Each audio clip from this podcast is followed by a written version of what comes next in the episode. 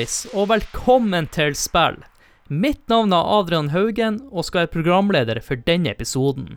I dag skal vi snakke om et spill jeg først hørte om eh, når jeg så eh, filmen Indie Game The Movie. Og det var to stykker der som holdt på å utvikle et spill som heter Super Meatboy. Men han ene ut av de to jobber med dette spillet på si, da. Og dette spillet gikk jo i glemmeboka for min del, men i januar i år så kom jeg over en YouTube-video som hadde gameplay av dette spillet. Og jeg ble veldig nysgjerrig og hadde lyst til å finne mer ut om dette spillet. Jeg visste også at jeg, jeg kjente to stykker som har spilt dette spillet mye, og han ene har kanskje spilt det ekstremt mye. Så da måtte jeg bare få til en episode. Og jeg må også introdusere spillet vi skal snakke om, som er Binding of Isaac. Vi blir ikke bare snakke om originalen, men også Rebirth og Afterbirth. En liten ting til før jeg skal introdusere de andre som skal være med i episoden. Det er at eh, opptaket ble tatt opp i slutten av januar, og vi sleit litt med Discord, og i tillegg litt dårlig lyd på opptaket. Så jeg må bare beklage det, men håper jo at eh, mange av dere har lyst til å fortsette å høre på episoden, da. Og når det er sagt, så vil jeg bare introdusere de to som skal være med i episoden. Og først vil jeg introdusere min kompanjong i spill, og du kan få lov til å ja, rett og slett introdusere deg sjøl. Ja, og jeg har vært veldig flink i det siste, syns jeg. Eh, det er Håkon, forresten. Eh, jeg har vært veldig mye med nå på både spill og sidelinja og jeg skjønner ikke hva som skjer. Det er liksom jeg føler bare, Det har vært innspilling hver uke nå eh, den siste måneden. Hvis jeg husker rett. Og det var noe midt oppi romjula. Det var noe Ja, dæven, altså. Det, det, er helt vilt. Nei, ja, det er meg, Håkon. Uh, fast medlem på flexi, eller med fleksitid, som vi sier. hallais, hallais. Og jeg har en liten fun fact, Håkon. Du har mm. vært på like mange episoder nå som du var i hele fjor. Yes! Og det klarte vi i løpet av januar. Kan du redigere inn en applaus her? En sånn skikkelig applaus? ja, vi får se hva ja, jeg får til. Takk for det. Og uh, vi har jo med oss en til gjest, og faktisk en som uh, bor nord for meg. Men de er kommet i samme fylke nå, og du kan jo få lov til å introdusere deg sjøl. Ja, jeg heter da Vegard Medenia, 34 år, er fra Hammerfest, og jeg er fortsatt finnmarking. Du, du kjør, jeg, jeg, jeg, jeg, ikke, jeg er ikke Troms og finnmarking, jeg er finnmarking. Det skal være snickers og tvist, altså. Det, vi er beinharde her oppe på akkurat det der. Det skal jeg være enig med deg. Jeg, jeg blir jo fortsatt ja, altså, si at jeg er fra Troms. Du er tromsværing. Altså, du sier ikke at du er fra Troms og Finnmark. Du sier at Nei, det går ikke an. Jeg har gjort Nei. det i 34 år, så ja, ikke sant, det går ikke an å begynne med det nå. Mm. Jeg, har, jeg, har, en svoger som er fra Finnmark, som sier ja, du er nordlending. Nei, jeg er ikke nordlending, jeg er finnmarking. Ja, ah, ok, ok. Ja. Du, det, er, altså, det, er, det er en forskjell, ja. Ja, det er jo det.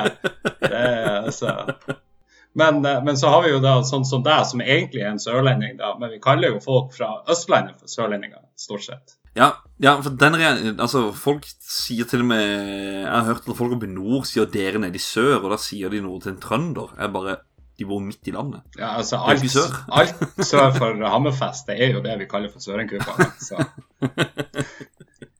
Vegard, du er henta inn som ekspert for uh, de spillene vi skal snakke om uh, i denne episoden. The pro, the myth, the legend. det, var, det, det, var noen veldig store ord her. Eh, ja. Det var noe virkelig å si. Men da går jeg bare rett på sak, Vegard. Hvordan kom du over det spillet her, og hva er ditt forhold til det her spillet, eller spillene, da? Ja, det er jo da flere spill. Uh, nei, jeg kom over det av at det var en kompis som er her i Hammerfest som sa Vegard, Vegard, nå, herregud, du må gå på uh, PlayStation Store nå. Det kommer gratis ut Binding of Isaac. Og jeg, har hørt om det Isaac, og jeg prøvde å se litt på det. Jeg skjønner det ikke, og det ser ikke så artig ut. Ja, men last nå ned, og så prøver du det, og så nesten 3000 timer etterpå, så forstår dere jo hvordan det gikk. du har 3000 timer i det? Nesten. Å, herregud. Jeg kan si på, på, Steam her så har jeg vel ja, 150 timer eller noe. Jeg tror det er sånn, altså Mer riktig er vel rundt 2800 timer, men nesten 3000. Ja. ja så har jeg noenlunde det samme på, på PlayStation til en kamerat av meg. Så det, jeg har spilt mye på både PC og på PS4. Men det som fascinerer meg, er at du var litt sånn skeptisk til det her spillet i starten, og så Hva var det som gjorde at du endte opp med å bruke så mange timer på det her spillene? Jeg vet ikke. Det var bare mål Først så hadde jeg mål å klare spillet. For første gang jeg spilte det, så hadde jeg ikke kjangs til å klare det, for jeg visste ikke hvordan det fungerte. Jeg hadde ikke peiling på mekanikker, og synergier i spillet. altså hvordan våpen synergerer med hverandre, eller hvilke ord man skal bruke der. Men så til slutt så satte jeg meg bare målet OK, det her syns jo jeg er artig. Jeg trives jo, og det tar ikke lange tida å klare spillet når du først blir god i det spillet. Så jeg vil ha Platinum Trophy på det spillet, rett og slett. Det var egentlig det, var det målet jeg satte meg. Jeg skal ha Platinum Trophy på. Og så tok det jo lang tid, og jeg klarte jo ved ett punkt øh, å øh, slette hele spillet, da. Altså ikke spillet, men savegamen jeg hadde. Der jeg hadde veldig god progress. Og det her var på Binding of Isaac Rebirth, som er den første versjonen som kom etter Flash-versjonen. Men spilte du Flash-versjonen, eller gikk du rett på Rebirth? Eh, rett på Rebirth. Jeg spilte aldri Flash-versjonen, for den var på PC, Samme og her. jeg hadde ikke PC på den tida. Nei, så jeg satte meg som mål å klare eh, å få platinum-trofé, fordi at det så bare vanskelig ut å få det, og jeg liker utfordringer i spill, rett og slett. Altså, det skal være utfordrende. Men eh, du har jo også eh, noe som heter winning streak, da. Hva er rekorden din der? Eh, 570 ganger på rad uten å dø. Holy shit! Og jeg som sa ifra til kamerater med da, som jeg spiller Eller som jeg spilte dette her mye med, så sa jeg at ja, vi, får, eh, vi skal ha med en som heter Vegard Mudenia. Han er Jeg tror han hadde 300 eller 400 i winstreak. Jeg vet ikke. Men 570? Ja. Det er helt sykt. Ja, men det er jo det, er jo, det, det verste. Det er jo langt under verdensrekord. Altså, det er en som heter Larsfest eller noe sånt på Twitch. Han hadde verdensrekorden på et punkt. Det var, da, da hadde han 900 winstreaks på rad. Eh, 900 i winstreak. Jeg som ikke har spilt det, kan du forklare egentlig hva er en win, eh, winstreak for noe, for dem som ikke har spilt spillet? Eh, da klarer du spillet så og så mange ganger på rad uten å daue. For det er jo en eh, hvis vi, Jeg vet ikke om vi kommer inn på det, men det er jo rogelike-spill. det her. Ja, så hvis, vi skal eh, komme inn på det senere. Så hvis um, du dør i spillet, så mister du jo selvfølgelig winstreaken. Da går den ned på null. Hvis du altså, klarer det, så har du klart spillet. Og så spiller du en gang til, og så klarer du det på nytt, og så klarer du det på nytt, og så klarer du det på nytt. Og så, ja, det var basically det jeg gjorde da. Men jeg tenker vi kan jo gå inn på det i eh, selve hovedspalten, så jeg tror vi bare tar oss en liten pause, da.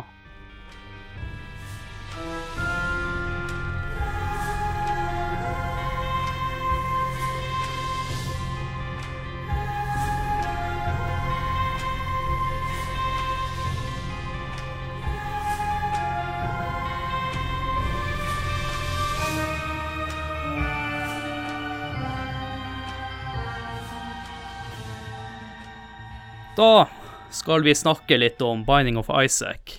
Ikke bare Binding of Isaac, men Rebirth og Afterbirth. Bindinga av han Isak. Ja, Og Afterbirth pluss. Ja, Ja. det stemmer, det. Mm, må ikke glemme det. Der det hoppa jeg faktisk av. vi blir å gå litt inn på de forskjellige spillene, og, og hva er forskjellen på de her spillene. Men eh, det noen som kan forklare meg litt hva spillet egentlig handler, handler om, kort fortalt, da.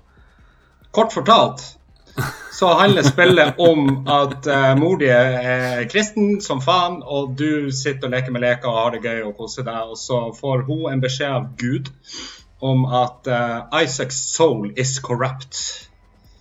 Uh, så hun må fjerne alt i livet hans som gjør at han basically er, er Satan sjøl, eller er ond, eller hvordan man skal si det. Han er en hedning. Så hun fjerner og fjerner og fjerner, og det, flere ganger hun får eh, beskjed fra Gud. Og så til slutt så får hun beskjed at uh, Isaac Soul is still corrupt. Så uh, hun må ta livet av ham. Så meninga med spillet er at mor di skal ta livet av deg. Og så gjemmer han seg inn på rommet, men så kommer hun seg inn, og så finner han en trapdoor under eh, matta på soverommet, og så hopper han ned i den, og så er du i spillet. Det er så enkelt. Ja, det er faktisk så enkelt. Det er, Det det det ikke- mye så law i det spillet der. Nei, det er ikke det. Det er ikke det. Det er ganske eh, enkelt forklart. Nå har jo jeg sett litt uh, playthroughs av de her spillene, Og det som fascinerer meg ved en gang jeg så det her spillet, på selve gameplayet, da, det er at det, det her er en blanding mellom Zelda og Smash TV til Super Nintendo. Du har eh, Zelda levels med Smash TV-skyting. Er det en grei beskrivelse, eller? Ja, til en viss grad, for uh, selve rommene er jo basert på det første Zelda. Det er jo basert Mm. på det. Jeg, jeg vil si at Smash TV er vanskeligere enn Isaac, da. Det er ikke noe tvil om det. Ja, veldig mye vanskelig. Ja. Men uh... Men til en viss grad, ja. Altså ish. Men nå, nå kan jo hende at det er noen lyttere her som ikke vet hva Smash TV er, så det er jo litt mer en sånn Zelda-shooter, på en måte. Dette her er egentlig som at du går inn i tempel i Zelda 1. Ja. som husker det. Og så er det at du Bare dette spillet her er 100% RNG, altså random generated. Sånn at eh, for hver gang du starter et nytt spill, så er rommene du begynner i, forskjellige. De blir plassert om på helt forskjellige måter. Det er ingen map som er de samme. Du kommer aldri til å kunne spille et likt game i The Binding of Isaacs. Det er over 60 milliarder forskjellige måter å spille det spillet på. Så det er random rom i samme stil som Zelda 1. Yes. Helt. Meget inspirert. Og som han Vegard var innom med før pausen, at det er rogelike. Det vil si at du dør du, så er du død. Da er game over. Ja, da er det Det game må jeg si, over. det var det som, det var det som fanga meg så sykt med det spillet. Fordi uh, jeg hadde jo samme opplevelse som det med Det, det var PlayStation Plus-spill. Så eh, bestekameraten min Lars han lasta den ned, og så plutselig så var vi ferdig med spillet på en eh, 30 minutter. Vi bare OK. Og så har vi unlocka nye karakterer, og så bare Du unlocker de hele tida. Mm. Så ja, jeg ble veldig fanga av det. Og det er vel egentlig første spillet jeg har hatt Eller spilt mye i roguelike-sjangeren. Ja, det er også mitt første rogue-like-spill. Det er det. Ja, hva er forskjellen der? Roguelike, roguelite hva... Roguelike er Jeg, jeg, jeg kjekk meg faktisk opp på det her i sted, og det er sånn som Isaac da er. Som er Men altså, sjangeren roguelike kom fra et spill som heter Rogue. Som ble laga for masse, masse, masse år siden. Som er Det er så enkelt DOS-spill som du kan få det. Men der var det turn-based combat.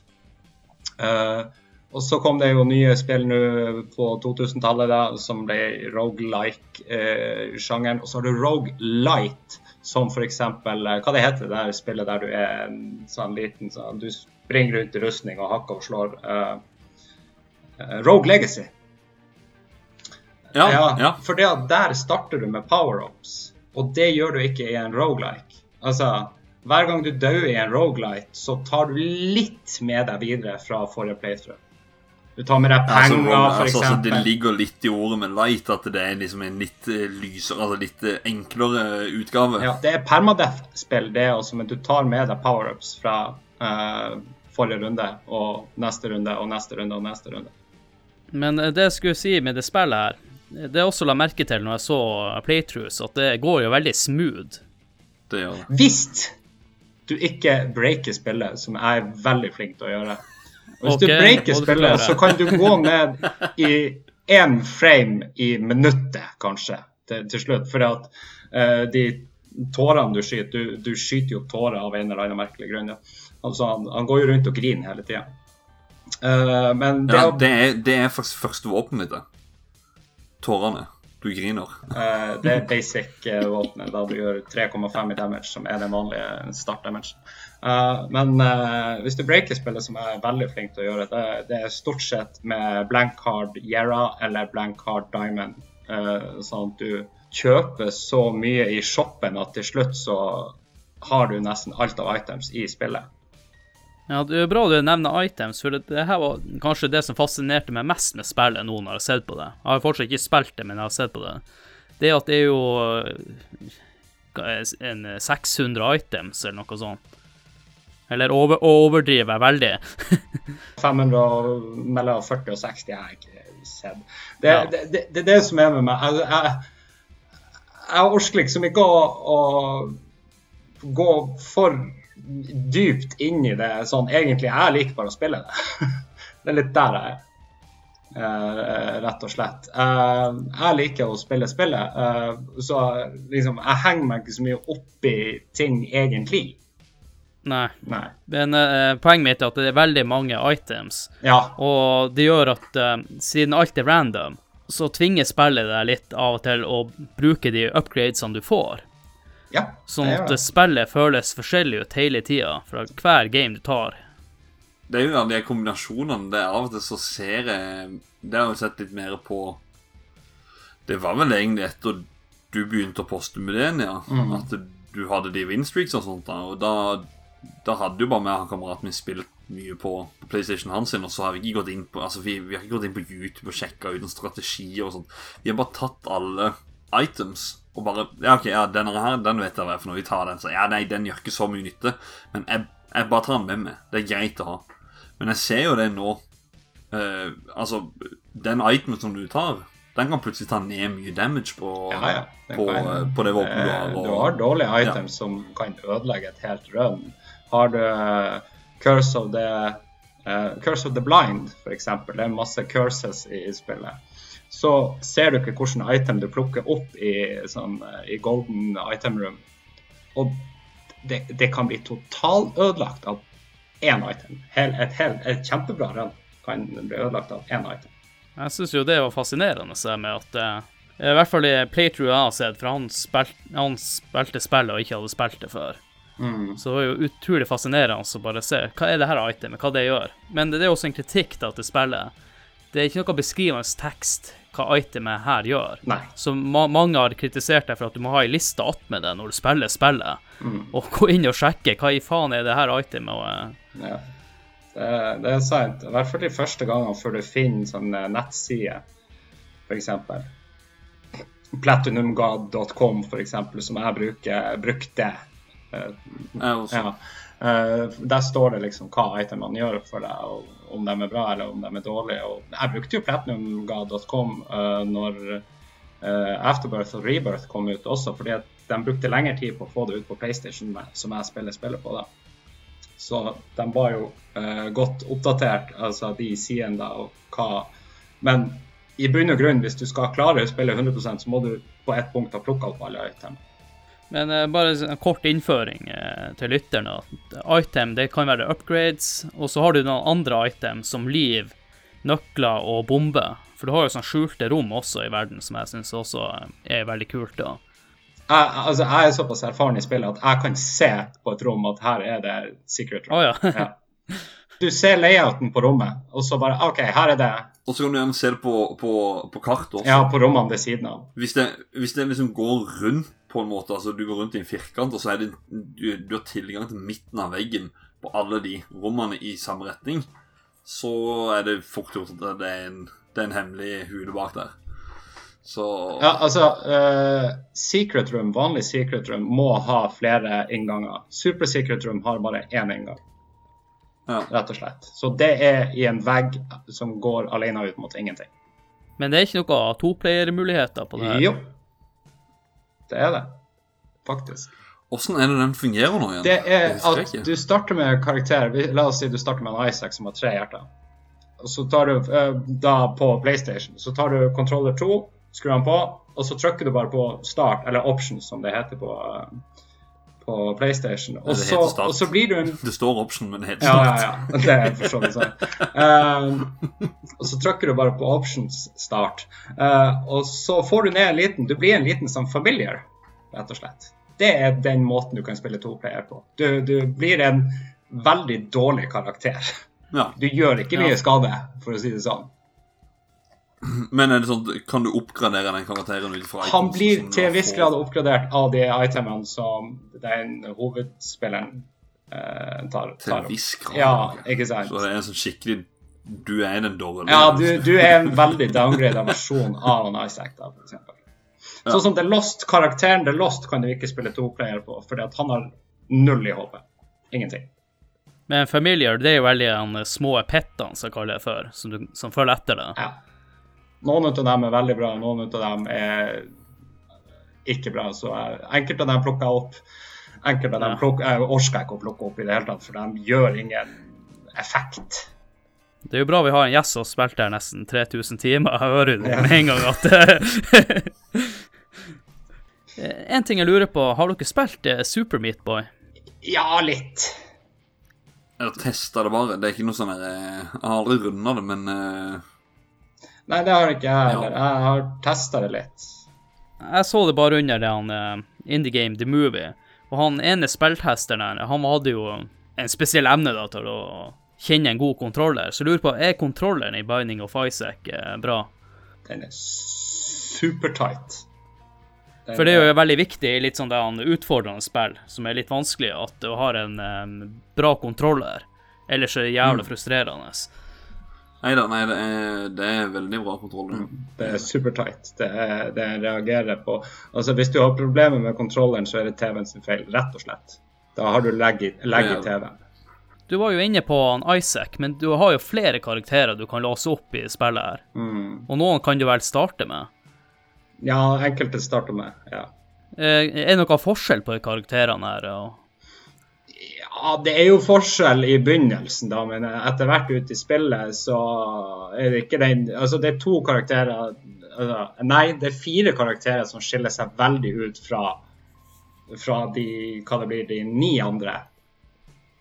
Eh, da har du The Lost, som har null i HP. Du har Eden, som starter med random item, random eh, eh, hjerter, eh, liv altså, random damage, random shot damage. Altså, han, det er den eneste random-baserte karakteren, det er i den.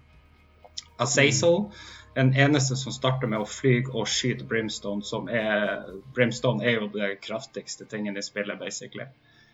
Den, Så han er overpowered fra starten av. ja, men egentlig ikke så overpowered, for at han har veldig eh, lite range. Ja. Ekstremt lite range. Og så har du The Forgotten, som er egentlig to karakterer, som har, der, der du har The Soul, og så har du The Forgotten, som egentlig slår med et lite bein. Det er dem som skiller seg ut, egentlig. ja. Mens resten er bare eh, små, små Nei, glem det! Du har en femte, femte karakter. Du har The Keeper, som har penger som hjerte. Det er mange karakterer som har kommet etter at det er Det var Ju, Julith som var, som var siste karakter. Lilith. Lilith. er- Hm? Lilith, ja. Ja. Stemmer. ja. Uh, det er hun som er den siste karakteren jeg spilte med Altså, hun var den siste som kom ut, da. Før jeg hoppa av spillet. Jeg har okay. ikke spilt Ja. siden. egentlig. Men du har vel også flere forskjellige vanskelighetsgrader i spillet her? Ja, men nei.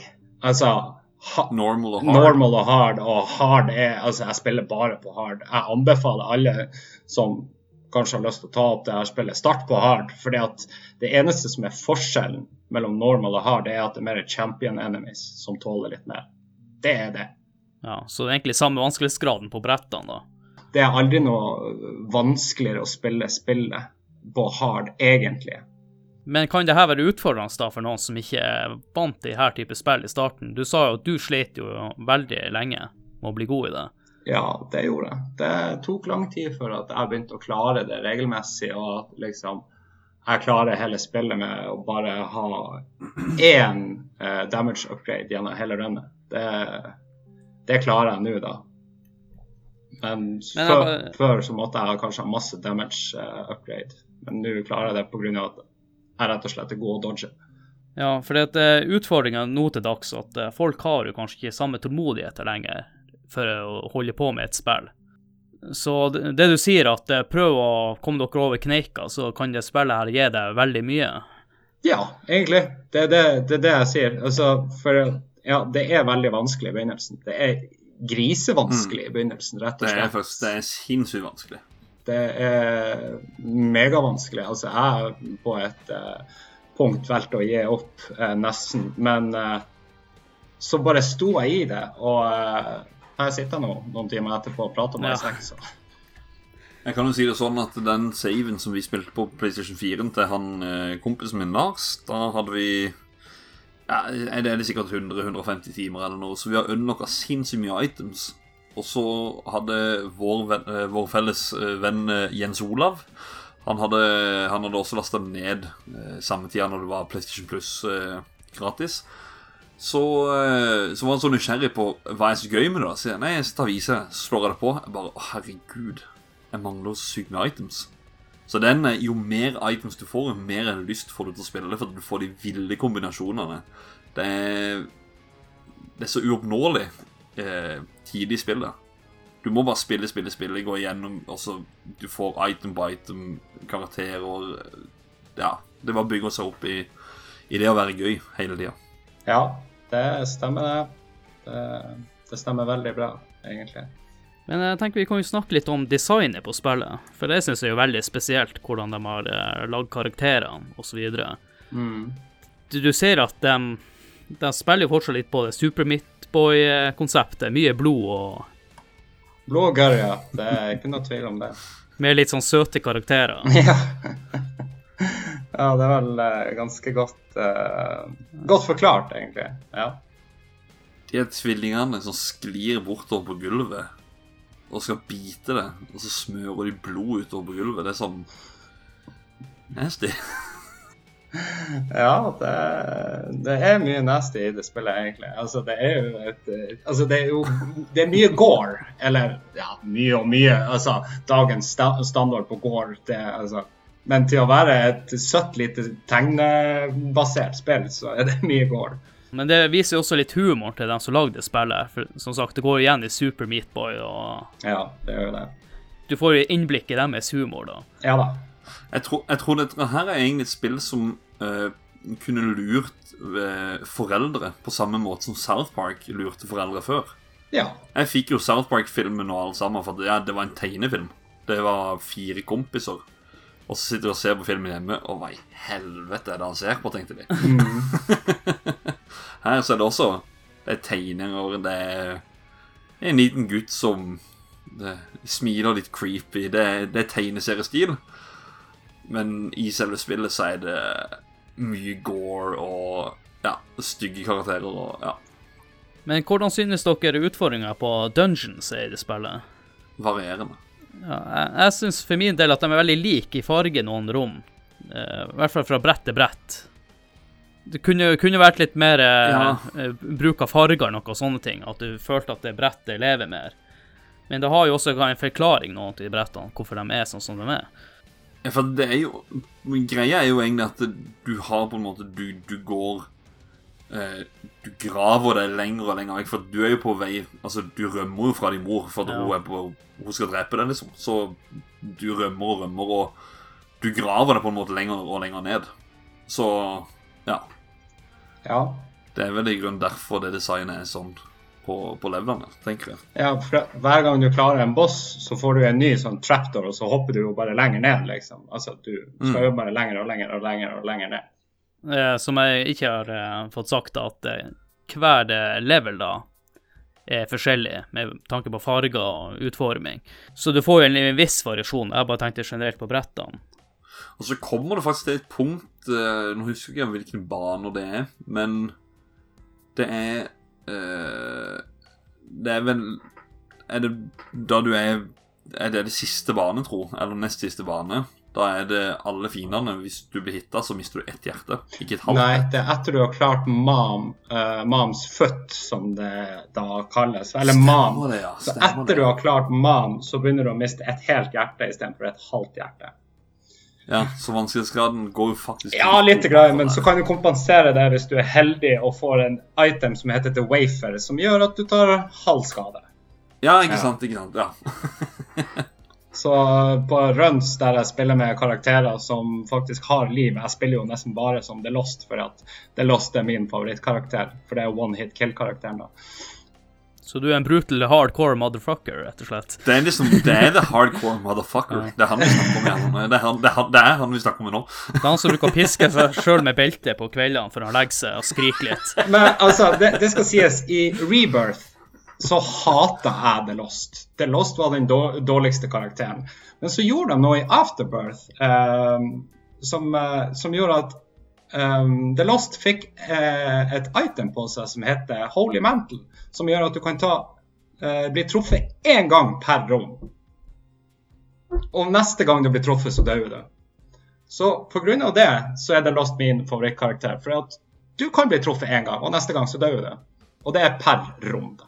Men jeg tror ikke vi skal anbefale folk til å bruke han som den første karakteren, og du kan vel ikke bruke han heller i starten. Han må vel låses opp. Han må låses opp, ja. Uh, og det er ikke så jævla lett å låse han opp heller. Uh, I hvert fall når jeg gjorde det. det. Da måtte jeg på det interwebs, og, og det var skikkelig komplisert. altså.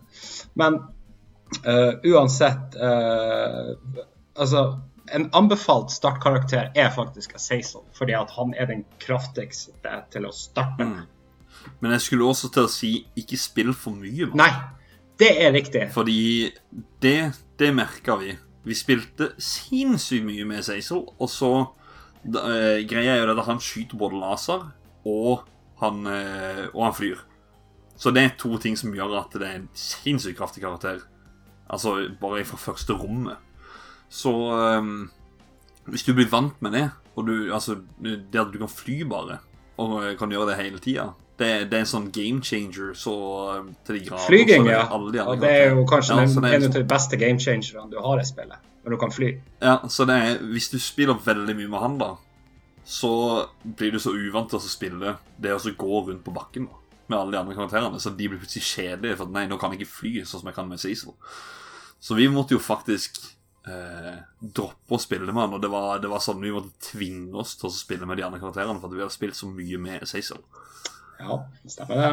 Så ikke spill for mye med han. Spill litt, men ikke for mye. Jeg måtte, jeg måtte avlære meg å spille med Azazel, rett og slett, på et punkt. Ja, måtte gå på A-møte. Ja, ja, ikke sant. Det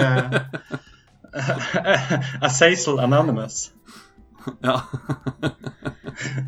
Men det er en ting vi har ikke snakka om.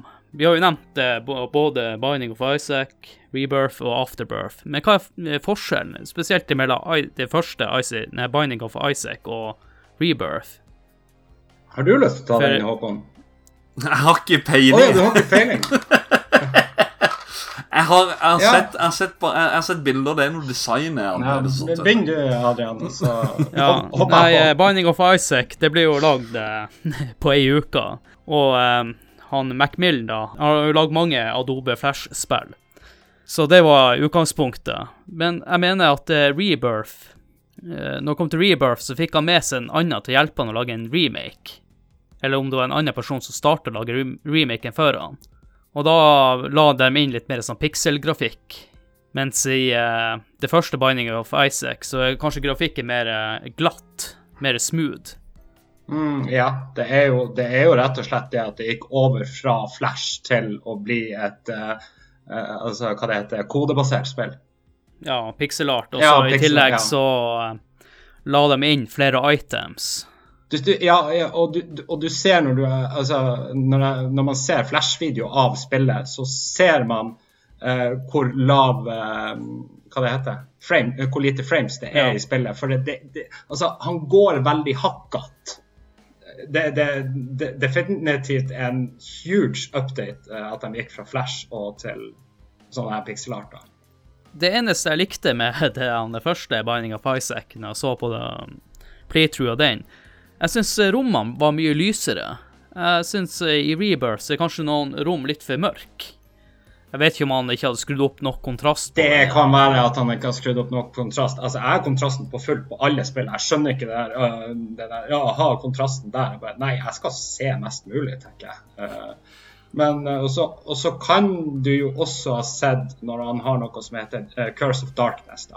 Som gjør at alt er mørkt, nesten. Ja, OK. Og det, altså, det er den minst irriterende cursen i hele spillet. Det er Curse of Darkness, for da klarer man å orientere seg. Ja, og så er det også kanskje greit at Rebirth kom pga. at det første Binding of Isaac som jeg nevnte i stad, ble lagd på ei uke, så han ikke klarte å tweake alt og sånne ting. Ja. Det, det var jo som han Edmund Macmillan sa altså når, han, når han lagde Isaac, det var jo egentlig bare et sånt lite tulleprosjekt. Og så la han det nå bare ut på Steam. Og så var det gått ei stund, og så bare eh, En million nedlastninger. Hva er det som foregår her? Vi skjønner jo ingenting. Og så ble det bare mer og mer og mer, og mer, og så bare uh, Skal vi kanskje vurdere å lage det her i ja, pikselart uh, og sånn heller, siden det er så svært nå? Uh, og så gjorde de jo heldigvis det, da, sånn for min del i hvert fall. Og så bare driver jo folk og spør ja, kommer det mer update, kommer det mer update, og han bare det her spillet her er blitt sånn et monster for meg.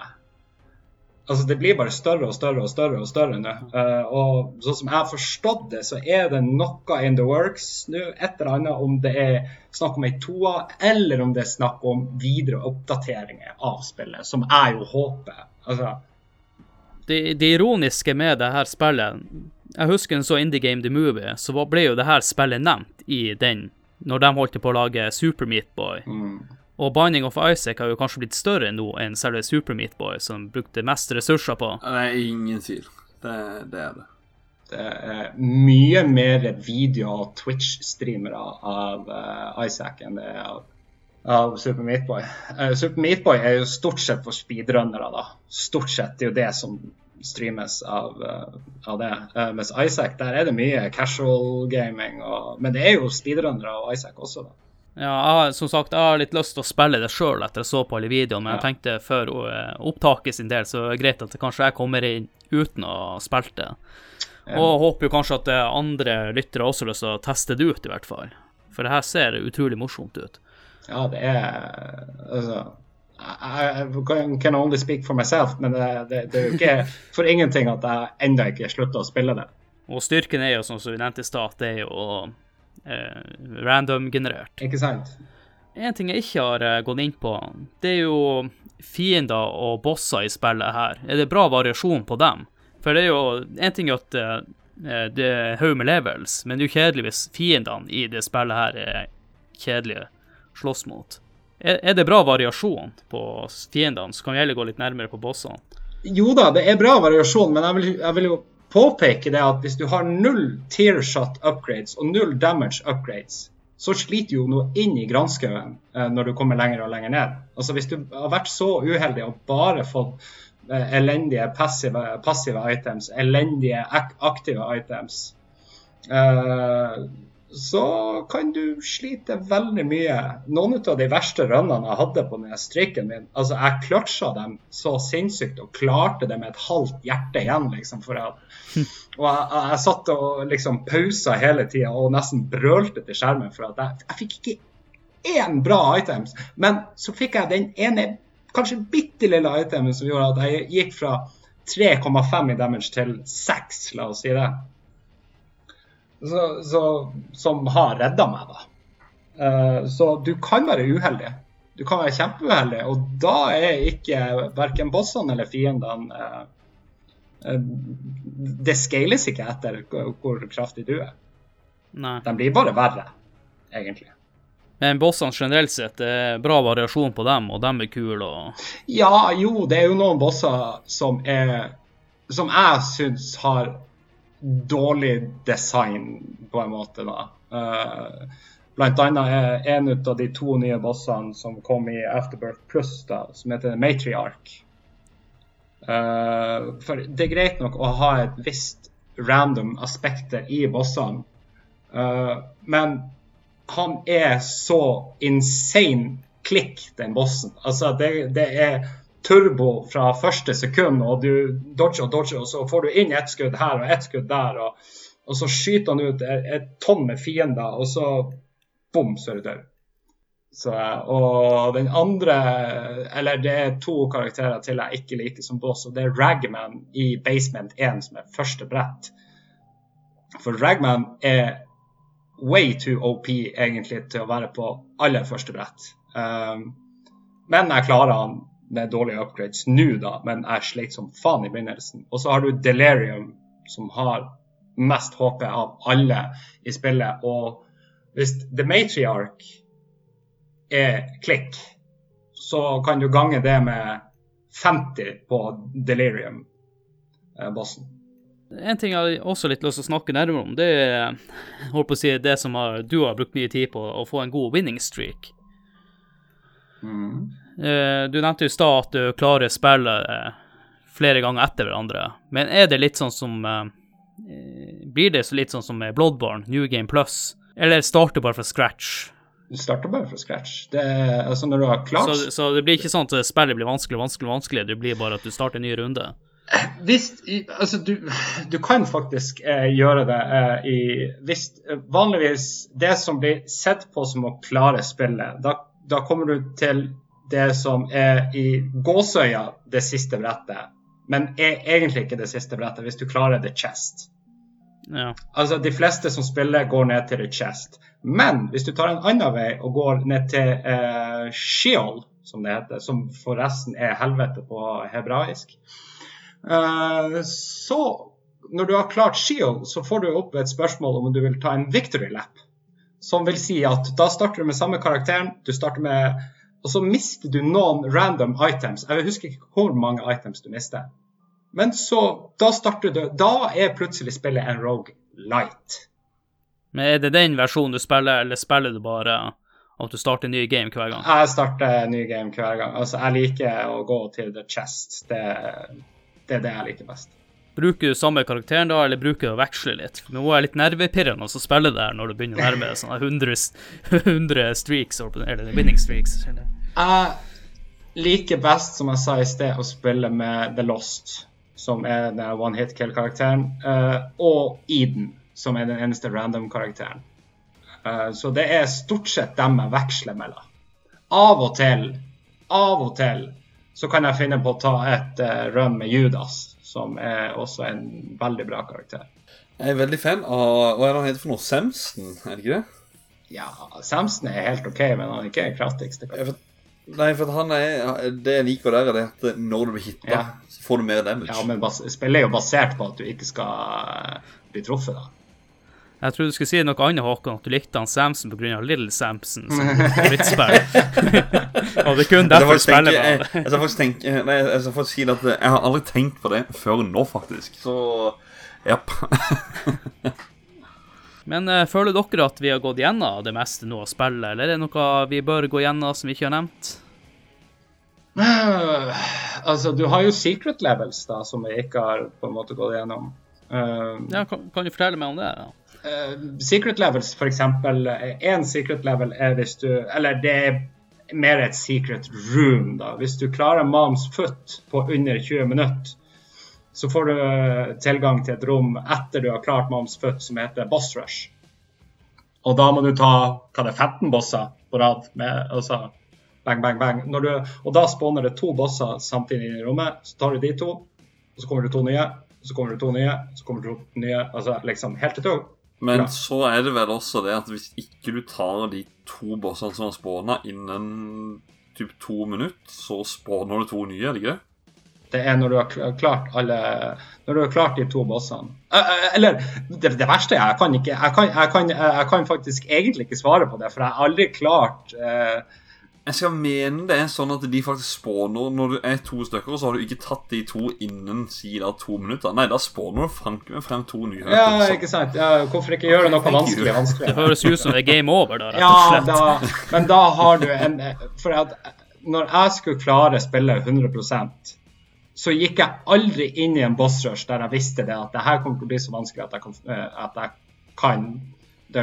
Altså, da valgte jeg heller å gå videre og klare spillet og kanskje få unlocka en ny item eller en ny karakter eller altså, whatever, liksom. Måten, måten jeg brukte det på, det var i hvert fall med eh, Du har et kort som heter The Fool. Som Er det med Isaac du får det i, i begynnelsen? Nei, det er Saisel. Ja, ja, ja uansett. da eh, Hvis du da har det kortet som heter The Fool, så går du inn i det rommet. Så tar du en item, så låser egentlig det rommet seg sånn at da, da må du ta de, de kampene. Så kan han heller bruke det kortet The Fool, som spawner det tilbake igjen i starten av Ja, banen. på, I aller første rom på den banen. ja. Mm. Så du på en måte escaper det rommet, da. Bare for å få en item. Så eh, Item er alt i dette spillet her. Det er enkelt. Item og synergies, det er alt, egentlig. Ja. Rett og slett. Og du lærer deg synergier etter hvert. Og så faktisk på Platinum God sine sider så kan du faktisk kjøre to items opp mot hverandre på den, og liksom hva er synergien i de her to? Og så er det jo Det er jo også sånn som Guppy og uh, Funny Guy, eller hva Transformations. det er. Du, Ja. ja, transformation det er jo at du tar Er det ikke tre stykker av forskjellige typer items, så kan du bli om til forskjellige karakterer. du har Guppy, du har Spun, du har Bookworm, du har Funny Guy, du har Bob Transformation, du har uh, Flylord. um, Du har ja, masse, men Guppy er jo den desidert beste transformation. Den er helt Ja, den er overpowered. Altså, du kan ha et dårlig run. Får du Guppy, altså du kan ha et helt ræva run. Får du Guppy, så har du vunnet. Altså, i hvert fall jeg. Hvis jeg får Guppy, så har jeg vunnet. Og Guppy vil da si altså Guppy items er type eh, Altså, Guppy, Gu- Guppy i seg sjøl, er det katten til Isaac? Eller Nei. Er det sånn det er katta til kjerringa til han Edmund McMillan heter vel Guppy eller noe sånt. Ja, ja, for da er det sånn uh, Guppys uh, hale. Guppys Guppy ja. sitt, uh, sitt halsbånd. Er, det- er det Guppys uh, hode òg? Nei, Guppys hode er det, det, Du har mer Dead Cat, som er Nine Lives. Eh, du får nye liv. Så er det i hvert fall når du da får tre stykker ifra liksom, den serien med Guppy-items, da, hvis du får tre sånne, så blir du om til Guppy. Ja. Og da flyr du, Som og så skyter du flue som gjør dobbelt av din damage. Hver eneste gang du treffer noen, så spawner du ei blå flue som også går mot fiendene.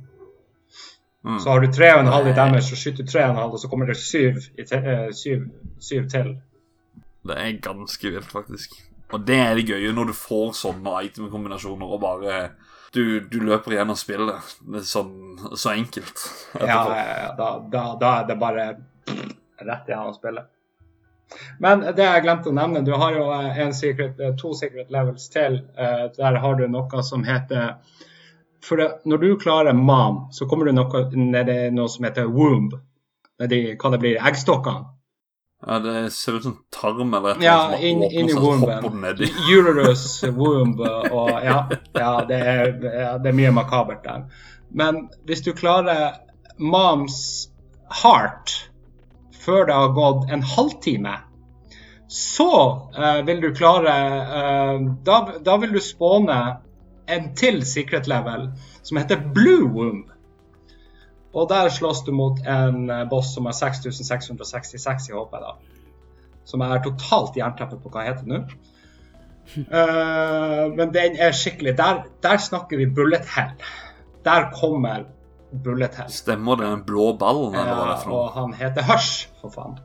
Det er Hush, ja. Hush Stemmer. er en helt forferdelig boss. Helt til du blir vant med den. Altså, jeg klarer Hush uten å ta skade nå, liksom. Det er ingen problem for meg. Men i tillegg, før du tar det Hush, så må du slåss mot en liten karakter som eh, kalles for Blue Baby, da. Og hvis du har høy damage, så scales din damage med hans HP, med Hush sin HP.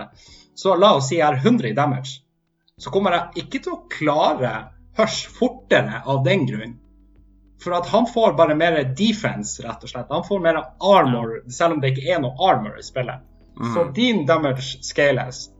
Og så kan du være heldig til slutt å få noe sånn små voider, noen sånne små portaler etter du har klart Moms foot, etter du har klart Moms heart, og etter du har klart chest og megasatan faktisk også. Ja, stemmer det. Du går fra Satan, og så møter hun igjen. Da er det Ja, og da kommer du til The Void. Men en sikker måte å komme til The Void på, er å gå via Hush. Blue Womb. Klarer du Hush, så får du direkte tilgang til Void. Og der kan du møte Delirium, som er et sponhelvete av en boss, for å si det på godt nordnorsk. Altså, har du ikke høy damage altså, Har du ti i damage og tre hjerter når du går inn til Delirium, så er det bare Glem det. Du har ikke kjangs. Nei, det høres, ut som det er en boss her jeg aldri blir å møte. Skal du klare å spille 100, skal du klare å spille 100 så må du klare Delirium på hard eh, 13 ganger. Altså med alle karakterer. Det er så brutalt. Ja, det jeg tror ikke jeg skal prøve meg på det engang. Men jeg tenkte jeg skulle ta litt av sånn oppsummering, da. Og da spør jeg rett og slett, hva er det som eh, Vi kan ta det negative først. Det er greit å avslutte med noe positivt. Så da spør jeg bare, hva er det som trekker ned det spillet? Og jeg tenker vi kan ta utgangspunkt i Afterbirth, siden det er det nyeste spillet. Ja, Afterbirth pluss, for å være pinlig nøyaktig. Ja, ja, ja, ja. Eh, For min del, hva som trekker ned Altså, det er jo ting du egentlig ikke kan gjøre noe med, eh, tenker jeg. Det er de fire bossene jeg nevnte nå i sted. Fem, fire eller fem bossene. Hvis du starter og ikke får et eneste item, og møter på Ragman på første Altså i Basement One, det trekker ned for meg, for Ragman er veldig ekstremt overpowered til å være en førstebrettboss. Uh, og få dårlige items i løpet av et helt run, det kan trekke ned. Um, men for meg, så, altså, meg personlig, så er det så nært opp som komplett spill som ja. jeg kan få det. Men, Men så det, det er bare var... små, små ting for min del. Og matriark møter matriark og sånne ja. ting. Ja. Så, så, kanskje litt oppfordring der du nevner, Vegard, med at uh, du kan risikere noen, uh, å spille noen run der for dårlige items. Så hvis dere tester ut et spill her og tenker faen, det her er vanskelig, noe sånt, så ta gi det noen flere sjanser. For det kan godt hende at du er litt heldigere på neste forsøk. Du kommer til å dø i starten. Ja, det, så enkelt er det. Altså, Man kommer til å dø, dø, dø og dø. Det, det er ingenting å gjøre med. Uh, men det jeg skal si, det jeg må si som er litt sånn negativt for min del, det er jo det at jeg spilte en del av Afterbirth, ikke sant? og vi spilte det mye. Så er vi litt vekk fra spillet, så kommer vi tilbake igjen. Da har det kommet oppdatering. Det er nye bosser. Eh, er ikke det bra, med, er ikke bra med nye, nye, ting? Jo, men sant, så har vi da den progressen som vi har. Da har vi mye items som vi har unlocka. Og så kommer vi inn, og så Oi! Dette her, de her var jo nesten umulige de bossene her. Det var jo liksom sånn Jeg syns de gjerne oppdaterte vanskeligere på en litt Eller litt for vanskelig, på en måte. At oppdateringa har vært litt for vanskelig, de nye bossene og, og sånne ting. Okay. Så. Jeg er for så vidt uh, litt enig med deg der. Altså, det, det er greit nok Jeg anser jo ikke Isaac som så vanskelig. Men jeg var enig med deg i begynnelsen av Afterbirth. Det var sånn der Wow! Det her ble veldig mye vanskeligere nå. Uh, uh. Det, det, var ikke, det, det, var ikke, liksom en sånn mellomting mellom Rebirth og Afterbirth, egentlig. Nei. Det ble bare boom, sa det, rett og slett. Og så måtte jeg, jeg måtte ikke lære spillet på nytt, men jeg måtte um, Jeg måtte bli bedre. Så det er der jeg tenker også om Jeg vet jo ikke om det er sånn for nye spillere at det er vanskeligere for de å lære det spillet enn det det var for meg når jeg spilte Rebirth. At når de går på Afterbirth pluss, er det vanskeligere for de å lære det spillet nå enn det det var for meg på Rebirth. For da var spillet på en måte lettere. Det er blitt oppdatert vanskeligere nå. Ja, for dem, det, ja, for dem opplever jo ikke Rebirth. Rett og slett som jeg og du har opplevd av Håkon. Så mm. absolutt. Det er nok Hvordan skal man si det er lettere for dem å komme inn i spillet egentlig, istedenfor å være vant med én vanskelighetsgrad, og så bare plutselig, så bare med et knips, så er det bare Wow! Ja. Shit! Mm. I need to improve my game straight away. Men for den som har lyst til å teste spillet for første gang, jeg tenker nå kanskje Rebirth er litt mer tilgivende da enn at folk går inn i super-hardcore. Du, du, må bare ta full, full pupp, holdt jeg på å si. Afterbirth pluss med en gang. Det... det er ikke noe vits i å hoppe tilbake Nei. igjen. For at det For da blir du plutselig vant med Rebirth, og så bare Så laster du ned Afterbirth hvis du liker Rebirth, og så bare Wow, shit. Det her var jo mye vanskeligere. Og så kommer Afterbirth pluss. Så det, ja. Afterbirth pluss er ikke vanskeligere enn Afterbirth. Det er bare en liten update med Nei. litt flere bosser, litt mer items og, og noen, noen, trinkets og litt sånn. Mm. Jeg tenker at vi har egentlig snakket om eh, egentlig hva vi syns er positivt med spillet her. Men da er siste spørsmålet er det her et spill jeg bør teste ut. Ja. ja.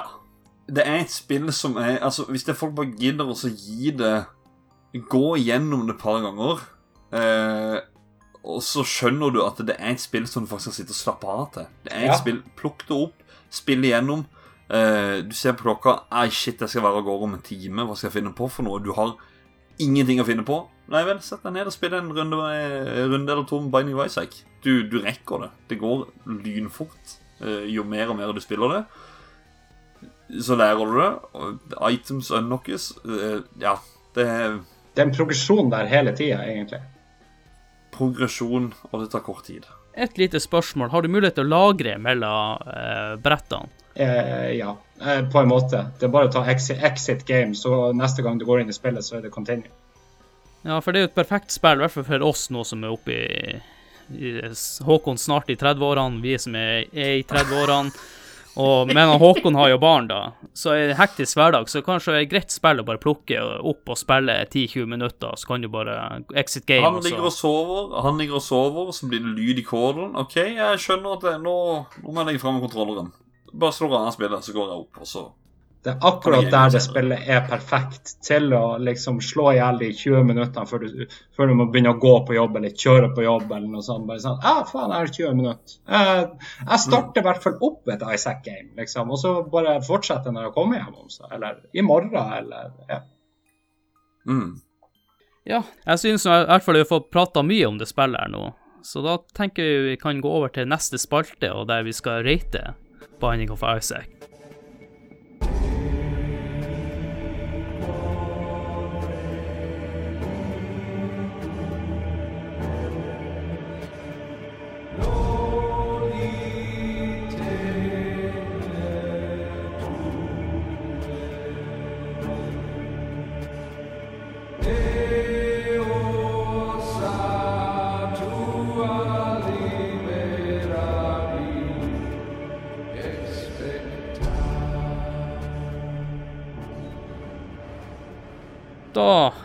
Skal bli rate spillet. Og vi tar utgangspunkt i uh, Binding of Isaac Afterbirth. Og uh, skalaen vi bruker, det er fra, henta fra Nintendo-magasinet til han Håkon. Ja, ett av de. Ett av de. ja. Og, og der skal vi eh, bedømme fem kriterier, som er grafikk, lyd, spillkontroll, underholdning og holdbarhet. Og skalaen går fra 1 til 10. Og da kan vi begynne med deg, Håkon. Hva du har lyst til å gi på grafikk? Uh, ja, det er, det er jo pen grafikk. Uh, litt sånn cartoony-ish. Litt pikselert. Uh, jeg står mellom syv og åtte. Jeg lander på en åtte, siden jeg liker å spille såpass. Gir jeg litt pluss på det. Enn du, Vegard? Jeg var jo akkurat på samme tankemønster som han eh, Håkon der og tenkte ja, syv eller åtte, syv eller åtte. Men altså, spillet har jo forbedringspotensial, så Men jeg vil gi det en åtter, for at jeg syns det ser veldig pent ut. Åtte. åtte, Åtte. Nei, Jeg skal ikke si hva Hvis dere ikke hørte på Selda Link to the Past-episoden, så ga jeg han Christer ti av ti på alt der. Men i ettertid Ja. kan det kanskje litt overdrevent. så det så, Det har jeg reagert Ja. så sykt på. Det er ti av ti grafikk og ti av ti på musikken. Wow! mm, Jeg så lovte å gi litt favorittspillet sitt, eh, være litt snill med det, men vi var kanskje i overkant. ja, sånn. det er jo eh, Altså, ja. Det, ja. Mm. Da over til neste punkt, eh, lyd. Hva har du lyst til å gi der, Håkon? Um, jeg syns soundtracket, sånn som jeg husker det, da, så syns jeg det er liksom et så lite soundtrack at jeg har uh, og Greia er at jeg spiller på PC, ikke sant? så jeg har jo tilgang på YouTube, Spotify, alle sammen på samme sted. Så jeg med mene inn på options så er det mulig for å skru ned bare musikken. Og jeg husker at jeg gjorde det, og så gikk jeg inn på YouTube, søkte Two Hour Epic Battle Music, og så var det to timer med det. Så du slo ikke på eh, Du slo ikke på Jabba Dabba Dan 6, da? Nei. Nei. eller uh, Jabba Dabba Do Dance, eller ja. Uh, nei, og så er det jo den uh, kjære lyden til tårene til Isaac og alle de andre som er sånn herre Du hører det konstant. Det er sånn derre Ja, det blir litt lei. Men eh, Jeg kan gi den en sekser. Er du enig der, Vegard, eller har du lyst til å være litt snillere enn Håkon? Jeg er jo ikke helt enig. Det er jo mye bra, det er mye bra soundtrack. Og, altså, de lydene, de tårelydene som kommer, de er Som kommer det, Ja. Altså, du, du soner dem ut til slutt. Til slutt så hører du dem. Ja, man gjør egentlig det. Og det samme med musikken. Det er, det, det er stort sett ett til to minutter som looper seg sjøl. Det er greit nok. Men mye av det er bra, og mye av det kunne vært bedre. Men jeg vil Jeg vet ikke eh, Jeg vil gi det i hvert fall en sjuer. For at musikken på Cathedral, f.eks., det er så sykt bra. Altså, akkurat der, den er så insane bra. Du føler det at du, dette jeg husker. du, du føler at du nesten er altså Nå er ikke jeg så jævla religiøs som jeg gjør noe, men du føler det at du er inne i kirka, og eh, her skal det drepes. For å si det brutalt. Ja. Det eneste jeg husker, det er liksom når du starter et game, da, så er det Eller hva det er for noe? Sånn creepy eh, varmestemmer som Ja. Stemmer det. Og da er det neste kriteriet, som eh, kanskje den største styrken til spillet her, og det er jo spillkontroll. Ti. Ferdig snakka ti. Den er tight. Eh, jeg sier Super Mario World og sånne ting, plattformspill, det er, det er, jeg sier det er det beste. Altså Her snakker vi det er lik, det, det, det står like høyt oppe som, som det. Ja, Litt av det var for at jeg refererer til, til tidligere episoden. Super Mario World, Da sa jeg ti av ti. Enn du, Vegard? Altså, For å bare sitere det han Håkon sa, jeg orker ikke å si det, alt det han sa, så jeg sier ti. Ja. Den er tight. Den er, som du den sa er tidligere i så tight. Det, altså, det er reaksjon på mikromillisekund, liksom, fra kontrolleren. Hvis, Ja. hvis du har problemer med lag, så er det TV-en sin feil. Det er enkelt og Ja. greit. Hvis du gikk på den spiken, så er det din feil. Ja. Og neste kriterium Du skal få lov til å ta, starte der, eh, Vegard. Og det er underholdning, og jeg er ganske sikker på hva karakteren blir her, med tanke på hvor mange timer du har brukt på det spillet. Eh, Hva, hva annet kan jeg si enn ti? Altså, jeg har, jeg har jo egentlig ikke noe valg siden jeg enda sitter og spiller det der siden det kom ut på PlayStation. Eh, altså, det er definitivt det spillet som har gitt meg mest underholdning. Til å være et spill som er basically det samme hele tida, sånn egentlig, i bunn og grunn. Så altså Ja, nei. ikke- Nuff said ti. Enn du, Håkon, er du helt der oppe, eller er du litt lenger ned på skalaen? Du eh, Jeg er på ti. Jeg er det. For det er, det er, det er som jeg sa, altså eh, Det er et sånt spill du bare kan Du, det, du kan bare plukke det opp. Du, du har det gøy. Det Ja, nei jeg, Vegard forklarte det veldig bra. Det er, det er ti. Jeg syns det, det er kjempegøy. Og nå kommer eh, et annet spørsmål, som er holdbarhet. Eh, Nå er jeg litt usikker på når Afterbirth kom ut. 2013 eller 2014? Å, jeg lurer på om det er 13. Er du sikker på det? Jeg mener 20, at uh, Ja, det kan være 2014. Rebirth kom i 2014. Ja, OK, men det er 2014, ja. Så uh, det her er ikke det nyeste spillet vi snakker om. Men uh, hva dere vil gi på holdbarhet? Det Tenk på hvordan spillet holdt seg, osv. Det er ikke så gammelt, da. Så har vel ikke eldra seg så mye siden det er på nåværende generasjon konsoller. Nei, jeg skulle si holdbarhet, så tenkte jeg jo egentlig åssen åssen vil det være om ti år også, tenkte jeg. Ja, det er litt Um, vanskelig å bedømme det. Det går ikke an. Men vi kan jo si Har det eldra seg noe i hele tatt på de seks årene? Skal vi si, skal vi, skal vi si 3, 2, 1, og så sier vi tallet? Ja. For jeg tror vi tenker Ja, jeg likt. tror det. Ja. Adrian, ta tellet ned. Tre, to, én Ti. Ti. Ja, det er ikke noe tvil. Altså, for min del, Nei. selvfølgelig. Altså, jeg hadde jo ikke hatt de timene i spillet fra 2014 til nå, hadde det ikke vært for at det har høy, høy, høy replay value. Ja, det det er jo akkurat det. Altså, spill, spill former seg jo på det Altså, hadde ikke uh, Ja, man spiller det gjennom hele tida, så det er liksom den replay-videoen er så enorm Ja, i det spillet. Det er Så, gigantisk. Og som du sa, hvor mange, hvor mange forskjellige måter var det å spille Ja, gjennom noen noen 60 milliarder, tror jeg det var. Ja, ikke sant? Så det er liksom Det er random hele Ja. tida, så det er liksom ikke noe Ja. Det fornyer seg hele tiden. Mm, det gjør det. Ja, da har vi jo gått gjennom ratinga. Så tenker jeg, Håkon, siden du er medlem av spill, så skal du få lov til å pitche podkasten og alt det der. Yay! Uh, ja, likte du det du hørte på, så um, gjerne gå inn på Facebook, og så kan du søke på spill. Uh, da får du opp Facebook-sida vår. Du kan gjerne trykke da på lik-knappen. Uh, og hvis du har lyst til å være ekstra kompis, så kan du enten dele den sida. Du kan kanskje ta dele den episoden du hørte nå.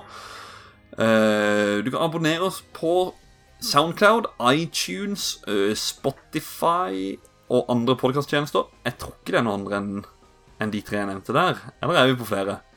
Som Nei, vet om. jeg er litt usikker. eh. Ja. Jeg bruker, jeg bruker Podcast. Addict. Podcast Addict, det er den jeg bruker sjøl. da finner man det via Soundcloud, Ja. der, tror jeg. Um, og da er det sånn at um, Spill er ikke en egen podkast nå. Du har ikke endra på det, Adrian? Nei, den, den kommer til å bli eh, egen podkast. Og kan hende at når episoden er kommet ut, så har det blitt det. Hvis dere har noe spill som dere ønsker at vi skal ta prat om, så uh, gjerne send oss en melding på Facebook eller direkte til meg eller Adrian. Ja, altså, sjekk ut den andre podkasten vår. Sidelinja. Men uh, sidelinja, der er det 18 års aldersgrense. Ja. For der blir du oppfordra til veldig mye rart. Og da vil jeg takke for at Håkon og du har vært stabil og være med på de siste episodene. Og takk for at du kunne være med på denne episoden. Ja, det er bare hyggelig. Veldig gøy å prate om Binding of Isaac. For det er, helt ærlig, så tenkte jeg det spillet her Det går ikke an å prate mer enn ti minutter om det, for det er, så, det er så lite å si med så mye positivt. Men uh, det var langt mye mer enn uh, det jeg hadde tenkt. Så uh, veldig gøy å prate om. Og så skal jeg si takk til han i Hammerfest, men han forsvant fra Discord. Det var liksom rett i siste liten her. Det skal sies at han faktisk har hatt litt connection-problemer gjennom episoden. Det har gått greit. Men akkurat her så var det connection-problemer at han faktisk forsvant helt nå. Så ja. Så with that bobshell så vil jeg bare si ha det. Ja, ha det! Adjø!